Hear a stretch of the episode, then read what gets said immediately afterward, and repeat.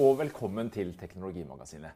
Vi har hacket en elektrisk sparkesykkel, sett på grafikkortet som skal gjøre dataspill til de reneste Hollywood-filmer, og testet en liten gadget som kan spare deg for tusenlapper til nye hodetelefoner.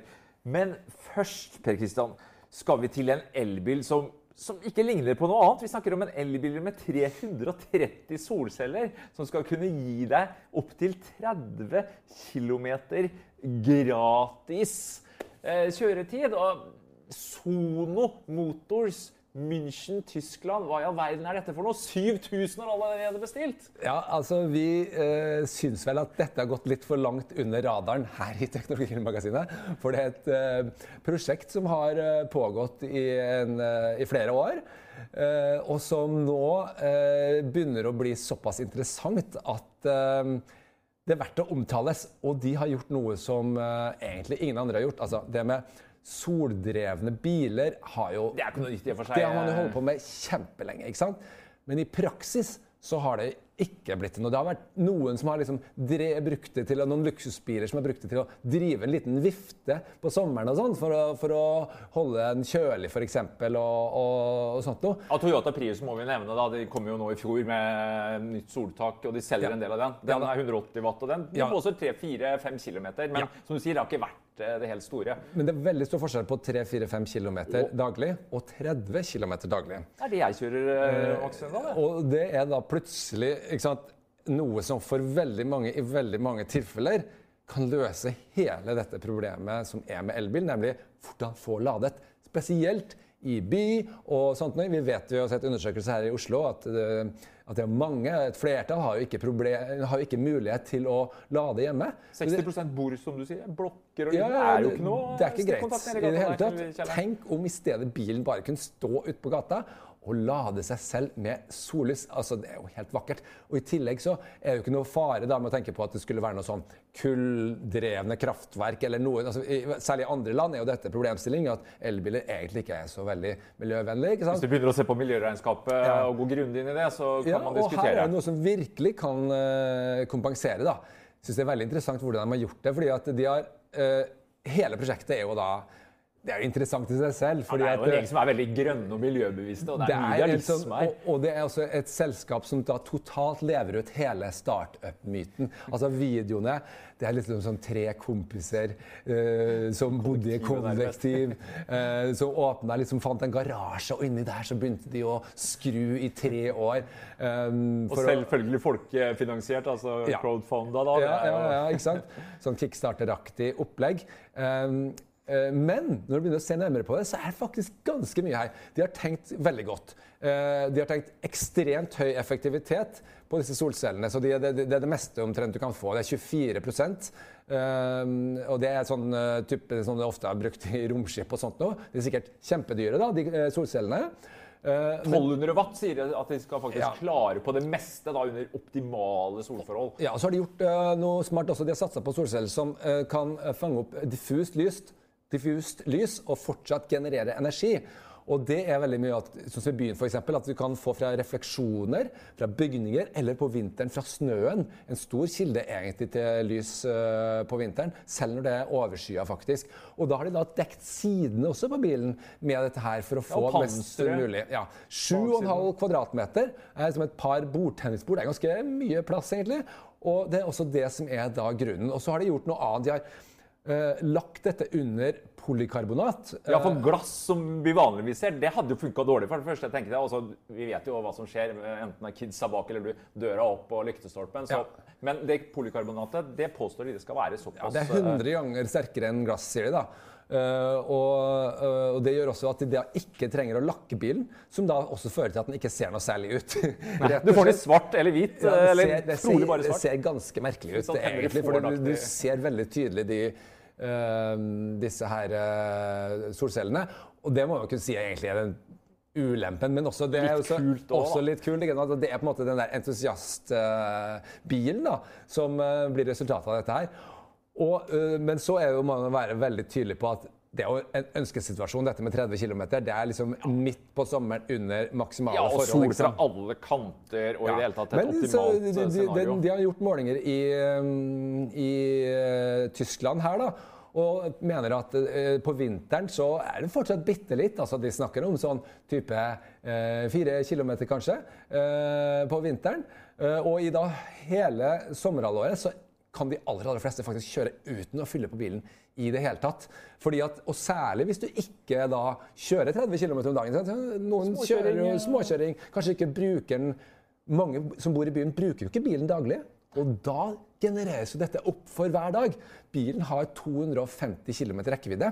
Ja, det påstår det, men det er litt sånn uklart, fordi batteristørrelsen sier det fra 35 til 45 Ja. kWt. Det er litt uklart, men 250 km, så sier de, det, jo, det står ikke om hvilken av syklusene er. Eh, nei da, det er, eh, de opererer med det de kaller for troverdig, eh, realistisk rekkevidde. Eh, Jeg syns ikke det er men, eh, urealistisk hvis du ser på et, et batteri til mellom 35 og 45 Det høres absolutt eh, troverdig ut med tanke på hva andre bilprodusenter oppgir. Og Ja.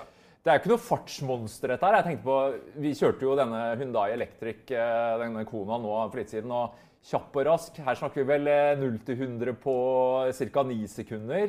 80 kW motor er jo ikke av de kraftigste, men jeg tenker Altså, dette er jo en eh, innafor Ring 3 primært kanskje bil. Ja, altså, hallo, hvor viktig er det å ha er litt gøy da, Per Christian, Jo, den konaen har 200, over 200 hestekrefter og, og, og scorer liksom kjempebra på det. Men den, når du trykker i gassen der, så er det jo så kraftig at du får sånn torque steer, så den vrir og vrenger seg på hjulene. Den er jo ikke dimensjonert for det. For her er det bakhjulstrekk, by the way. Eh, du får ikke firehjulstrekk, og noen vil kanskje synes det er litt synd, men det som er litt ekstra morsomt, eller en av de tingene, det er jo at det er tilhengerfeste, Per Kristian. De sier foreløpig opptil 750 kg trekkvekt. Så sier de sånn som at vi, vi har vært eh, litt moderate, vi vil ikke skuffe. Så hvem vet, kanskje det blir eh, enda mer. Og ikke minst bagasjeromsplassen. Den er er jo på 650 liter! Altså, det da er snakker det- vi en sånn Passat stasjonsvogn. Virkelig familiebilsel. Det, Det, det er større enn en Turan. Ikke sant? Så Det er, og den som har sett det bagasjerommet, vet at det holder for de fleste. 650 liter vil jeg påstå holder. Og hvis dette viser seg å stemme, så snakker vi om en eh, utrolig fleksibel eh, sak, altså. Og så eh, kan man si å, det er rekkevidden. Å nei, nei, det er bare 250 km. Men da skal jeg si en ting som er ganske interessant, som han herre Bjørn Nyland, Tesla-Bjørn, har gjort oss oppmerksom på. Han har beregna at hvis du kjører en Hundai Ioniq, som da har bare Altså den har faktisk mindre rekkevidde enn dette her, eh, 1000 km om dagen, så vil den nå fram bare 30 minutter etter en eh, Tesla Model X. Jeg skal ikke gå god for akkurat den. øh, og, og, det, og, det, og da har jo den, denne Hyundai Kona Electric har jo samme, samme øh, farta, da, ikke sant? Eh, det syns jeg er ganske interessant, og årsaken til det, det er hurtiglading. Fordi øh, du må stoppe innimellom uansett, og du hurtiglader. Og det tar bare ikke så lang tid.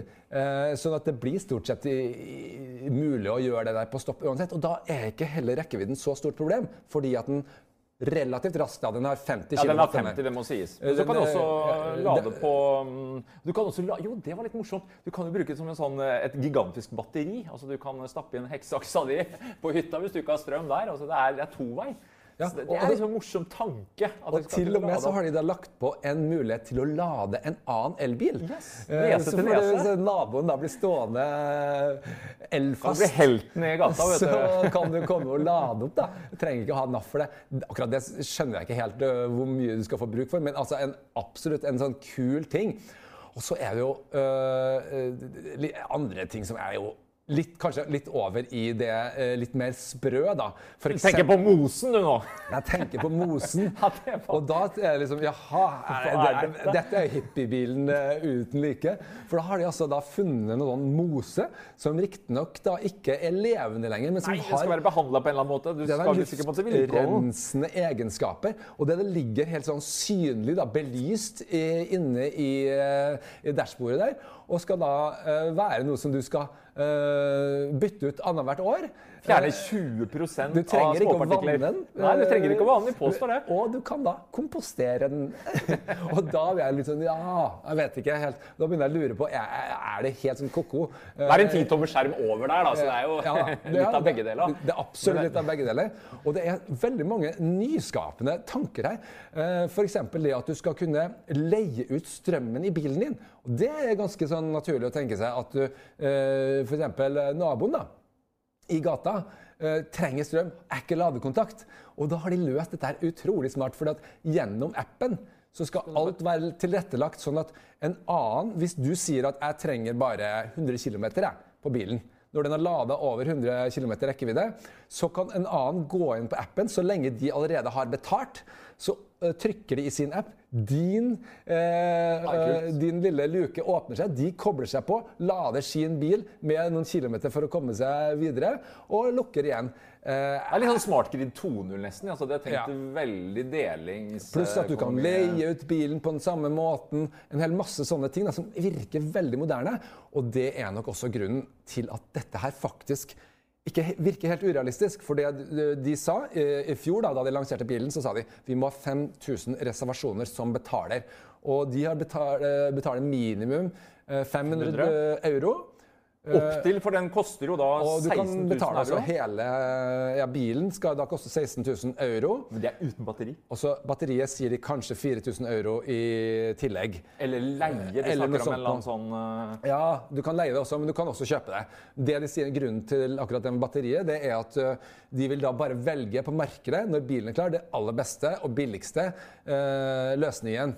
Ja, De har vel inngått en avtale med en eller annen tysk produsent eh, her nå. Men ja, de er veldig pragmatiske. Men allikevel, Kristian, jeg må innrømme at jeg ble mer og mer entusiastisk jo mer jeg leste om prosjektet. Men eh, hvis du ser på solceller eh, Tesla for eksempel, var jo veldig på her for en stund siden når Model 3 var lansert, og Musk mente at ja, solceller på taket, det, det vil vi vurdere. Men senest i fjor så var jo Tesla og Musk veldig mente at kost-nytte, nei, det er ikke noe å hente. Og jeg snakka med en batteriekspert på NTNU, og han var vel litt sånn kritisk eh, med tanke på at man skal klare å, å hente ut nok energi. Men 30 km, hvis de klarer å ja, bare 20, tenker jeg, det vil jo være virkelig superinteressant for Ikke sant? veldig mange. Bare 20 vil være interessant.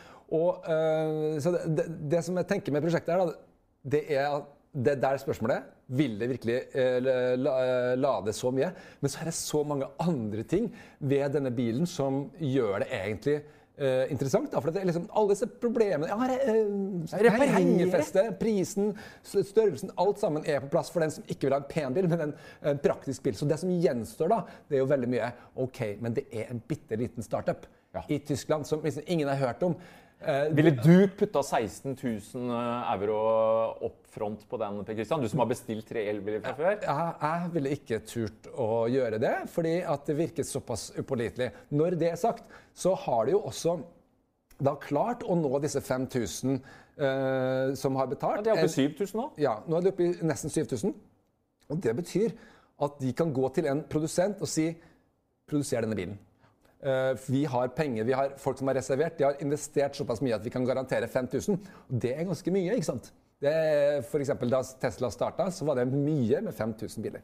Så ja, det, dette kan bli noe. Det er i hvert fall spennende. Og de andre store produsentene, de bør våkne. I våres ble forbudet mot såkalte ikke-selvbalanserende elkjøretøy opphevet. Og i sommer så testa vi en elektrisk eh, sparkesykkel, en Segway eh, Ninebot. Jeg syns den rista litt når jeg kjørte på brosten spesielt, eh, i tenna. Men Per du har kommet over en ny spennende sparkesykkel. Ja, for eh, Grunnen til at vi tok denne Segway Ninebot inn hos oss, eh, ES1-modellen, eh, det var rett og slett at den vant en test hos tech.no, som kjører sånne store tester på dette. og hadde lyst til å prøve det selv. ikke sant? Den funka jo bra, men så tenkte jeg nå skal jeg, dette er så bra, jeg skal kjøpe meg en selv. Og da begynte jeg å måtte jo sjekke litt mer, da. ikke sant? Og da fant jeg jo uh, en annen som faktisk også var nevnt i tech.no sin test. Uh, men den fikk ingen karakter. Uh, dette er en eh, Xiaomi eh, Mia M365. De som også produserer Segwayen som vi testa? Ja, Det er to selskaper som henger sammen på en eller annen måte, men også konkurrerer. Det er litt sånn komplisert eh, greier, akkurat det. da. Men eh, denne her uh, den er, skiller seg egentlig uh, kraftig ut. Den fikk ikke være men fikk ikke noe karakter, for den var for kraftig. Ja, for Den loven jeg snakker om, den, den sier vel at 20 km i timen er maks. Altså det er vel pluss minus 10% type 22 km i timen. Denne karen rett og slett for rask. For rask. Og så tenker jeg, men det, det, kan jo ikke være noen god grunn. Uh, og så viser det seg ja, den selges jo i Norge, ikke sant? Men så er det sånn mm, Det er nok ikke så dumt det der å ha 22 km som, uh, som grense, da. Uh, og da begynte jeg å sjekke litt nærmere, og da viser det seg det går an å hacke denne sparkesykkelen. Det går an å legge inn Søk på M365 Custom Firmware, så legger du inn egen sånn fastvare. Og der kan du justere ulike parametere, også fart. Toppfart. Så da kan du gjøre denne lovlig. Ehm, du må riktignok ha en Android-telefon, for det er liksom hackernes verktøy, da, selvfølgelig, men det hadde jeg. Kunne veldig lett legge inn en masse ønsker om hva høyeste hastighet skal være. Du kan også skru den opp og få mer kraft hvis du vil det, men da risikerer du selvfølgelig å eh, redusere levetida. ikke sant? Og batteria. Dette er jo noe som eh, da, Hvis du gjør sånne type valg, så kan det gå utover over garanti og sånt noe, vil jeg tro. Luftfylte dekk, funker det som en kule, eller? Ja, bare for å si det, så, så, er det også faktisk noen som, hvis du ikke vil hacke sjøl, så oppdager jeg at det finnes også en norsk uh, liten bedrift som gjør det her, da. Ah. Og leverer disse her ut. Som en liten, uh, liten Ligger på Eidsvoll-området. Smartscooter heter de. Uh, det tror du betaler litt ekstra. men det, generelt så er, er den her overraskende dyr i Norge. Den, den, er å få angivelig for 6000. I praksis må du ut med sju hvis du vil ha tak i den. Eh, den er veldig ettertrakta og vanskelig å få tak i. Jeg, jeg, sier det litt sånn fordi at eh, i utlandet så får du den for ganske mye billigere. Fort halve prisen, faktisk. Uh, dette her er en enormt populær sparkesykkel som brukes av de store uh, elsparkesykkelprodusentene. som pøser ut massevis av disse Ja, De som leier ut sparkesykler? Ja, som leier ut.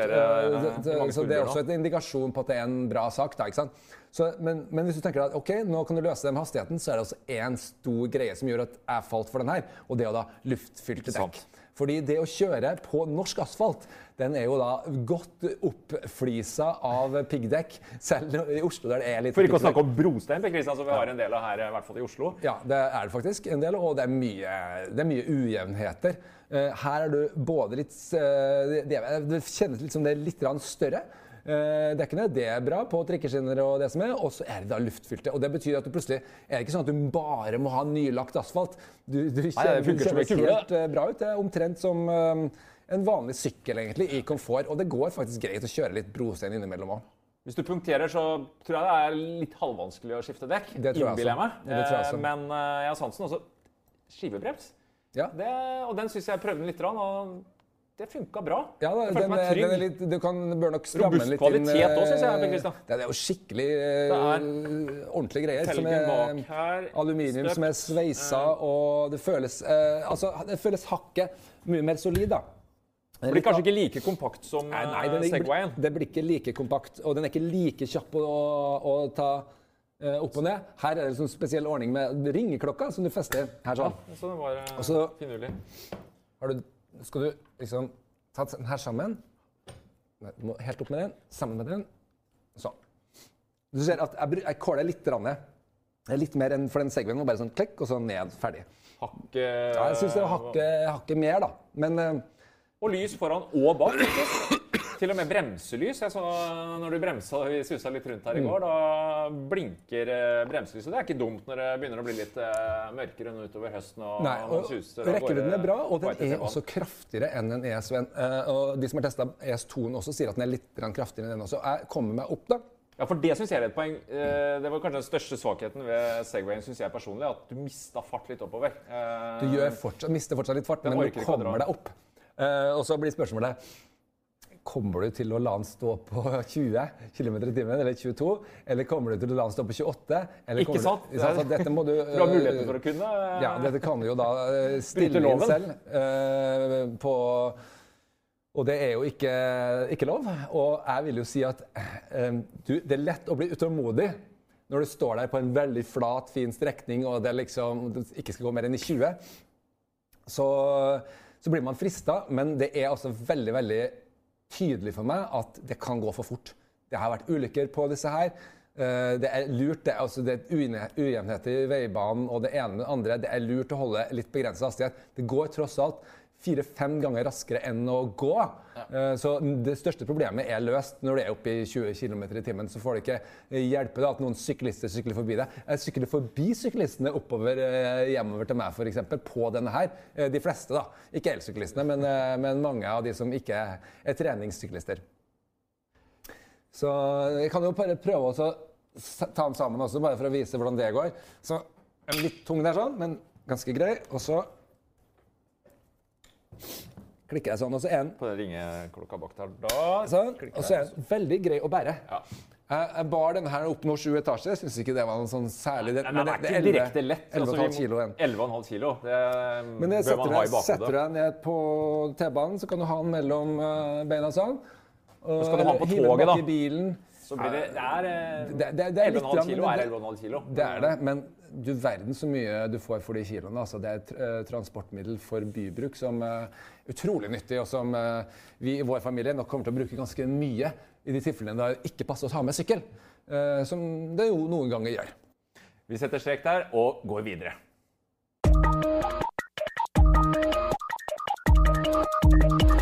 Denne uka går den store spillmessen Gamescom av stabelen i Tyskland. Og den store nyheten må jo sies å være Nvidias lansering av en helt ny linje med grafikkort. Som da har denne eh, hellige gralen raytracing. Er dette et paradigmeskifte? Per Christian? Det er jo, spillerne der ute er jo helt uh, ville, nærmest.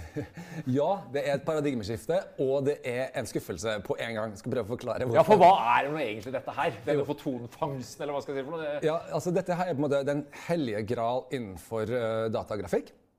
Og vi har sett det i uh, Hollywood-filmer i mange, mange år nå. Det er det som gjør at dataspill ser ut som dataspill. Mens Hollywood-filmer ser ut som vanlige filmer der du ikke kan skille mellom virkelighet og hva som er effekter som er lagt på. Uh, grunnleggende sett.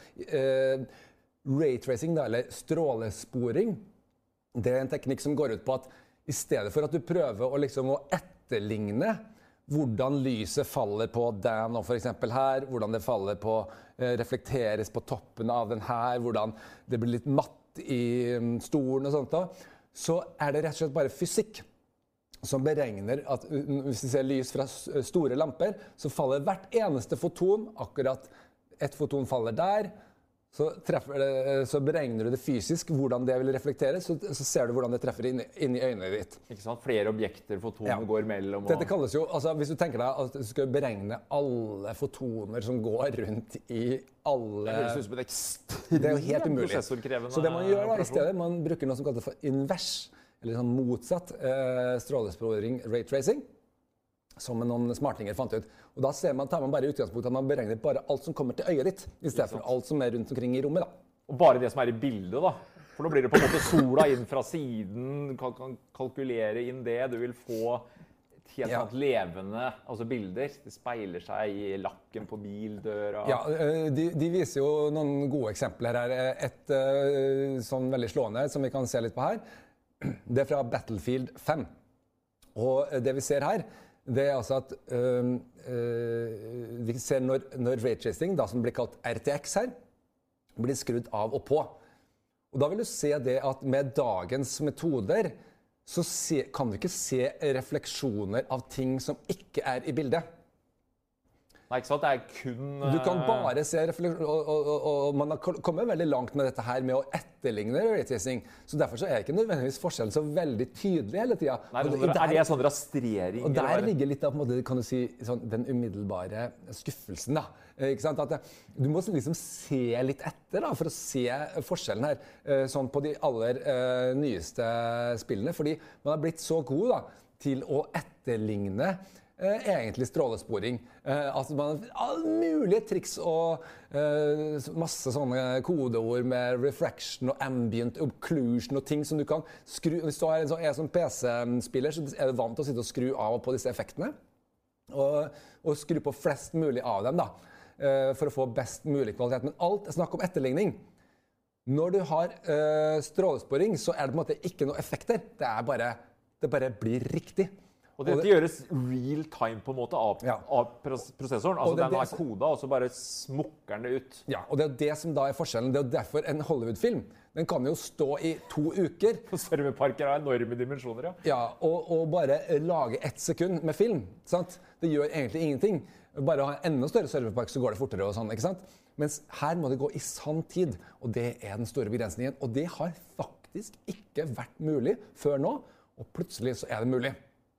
Og sånn som jeg forstår denne arkitekturen på disse grafikkortene, her, så er det liksom nærmest en egen prosessor som sitter bare og, og kverner eh, raytracinga. Ja, det er det, men det er også masse med annet. Dette her er en ekstremt eh, komplisert eh, prosjekt som Nvidia holdt på med i ti år, parallelt med andre ting, og som nå er da klart. Og det er liksom en helt ny plattform. Med 21 spill, sier de, som skal i første omgang Ja, altså- støtte denne raytracing-teknologien. Ja, og det er der på en måte svakheten er. fordi at du, Det er sannsynlig at du vil ikke se så voldsomt stor forskjell på disse eksisterende spillene. Fordi de er ikke bygd opp rundt dette her. Nei, ikke sant? Det er først når vi får spill som fra starten av er tenkt Du kan tenke deg, eh, Hvor mange av verdens spillere er det som har en sånn uh, GPU eller et sånt grafikkort i dag? Det er jo ingen, ikke sant? så du kan ikke begynne å lage spillene for det riktig ennå. Og Derfor så tenker jeg litt sånn OK, er det så veldig mye poeng å løpe ut og kjøpe dette her akkurat nå? Nei, kanskje ikke. For det er dyrt. Det er dyrt. Eh, Begynner på rundt 5000 til sånn 10 000-12 000. Opp til 12 13 14 15 000 for denne Ja da, og du kan få disse kortene for en eh, 80. 60 000-70 000 også. Så det er ingen fare. Man kan få brukt uh, pengene sine. Uh, absolutt, altså. Uh, det, det som man skal være klar over, er at dette er likevel en helt ny måte å tenke grafikk på. Og Vi kan se noen eksempler på hvordan dette her faktisk vil se ut. og Hvis vi ser på dette her innslaget, så er det faktisk en, en demo da, som, eh, som eh, Nvidia viste oss som eh, viser hvor fotorealistisk egentlig dette er. For dette her er ikke eh, filmgrafikk, dette er sanntids dataspillgrafikk. Og det må jeg Jeg var imponert. Jeg hører du kanskje litt eh, avventende, eller at forskjellen kanskje ikke er så stor. Men for meg, da, som ikke spiller så mye, jeg syns det var eh, imponerende å se. Altså, Jo, men du skal vite at det, dette kommer ikke inn i spillene riktig ennå. Det er det, bare det. De kommer ikke til å se helt sånn ut Ah, riktig så ennå. Det er nok en gang Det er nok noe nå. er også noe med at disse, det disse billig, billigkortene at det er bare 5000 kroner vil ikke være like bra. eh, de har ikke like mange gigarace som det nå Ja, heter. Gigarace, ja, det er liksom nye herlig. målenheten. Og, Herlig uttrykk som den liksom, eh, Jensen Huang, da, den store sjefen i Nvidia, eh, koser seg med å kalle det. Det er helt nye, eh, helt nye begreper. Altså, alle disse eh, PC-spillerne er jo superopptatt av å sitte og måle FPS. Altså, hvor sant? mange, De er ute eh, nå, altså. Ja, hvor mange bilder per sekund du skal ha og sånt. Det er ikke det det handler om nå. Nå er det gigarace som gjelder. Og det er jo da eh, ikke sammenlignbart. Men det de har sagt nå, er at ja, ok, kanskje 50% flere bilder per sekund. Men det er ikke det nødvendigvis dette handler om. Det handler mer om selve utseendet, hvor troverdig hele bildet er. Realismen Små, små nyansene som gjør at eh, liksom, et uh, gevær kan, Du kan se at det er laget av tre. ikke sant? Sånne type ting. da. Men nå er det kun Nvidia som eh, tilbyr grafikkort med raytracing. Men, men hva med meg, da, som spiller på konsoll? Er dette en teknologi vi kommer til å se ja, i PlayStation i framtida? Blir dette de facto standarden? Helt sikkert. Eh, Det er bare et spørsmål om tid. Eh, Jeg vet ikke, altså Vi står nå foran en ny generasjon nå. eh, Med ny PlayStation og ny Xbox. Et, det blir nok et, fort et par år før den er ute. Jeg vil være overraska om de ikke på en eller annen måte klarer å få dette inn. Eh, Det gjenstår å se. Eh, Jeg ville heller venta et halvt år for å få dette her på plass. Eh, Det er bare et spørsmål om tid, for å si det sånn. Men det er klart, det er veldig dyrt foreløpig. Og eh, tradisjonelt så ligger jo konsollene en god del etter, så det gjenstår å se. Ja, Men at raytracing har kommet for å bli, det er du ganske tydelig på. Vi går videre.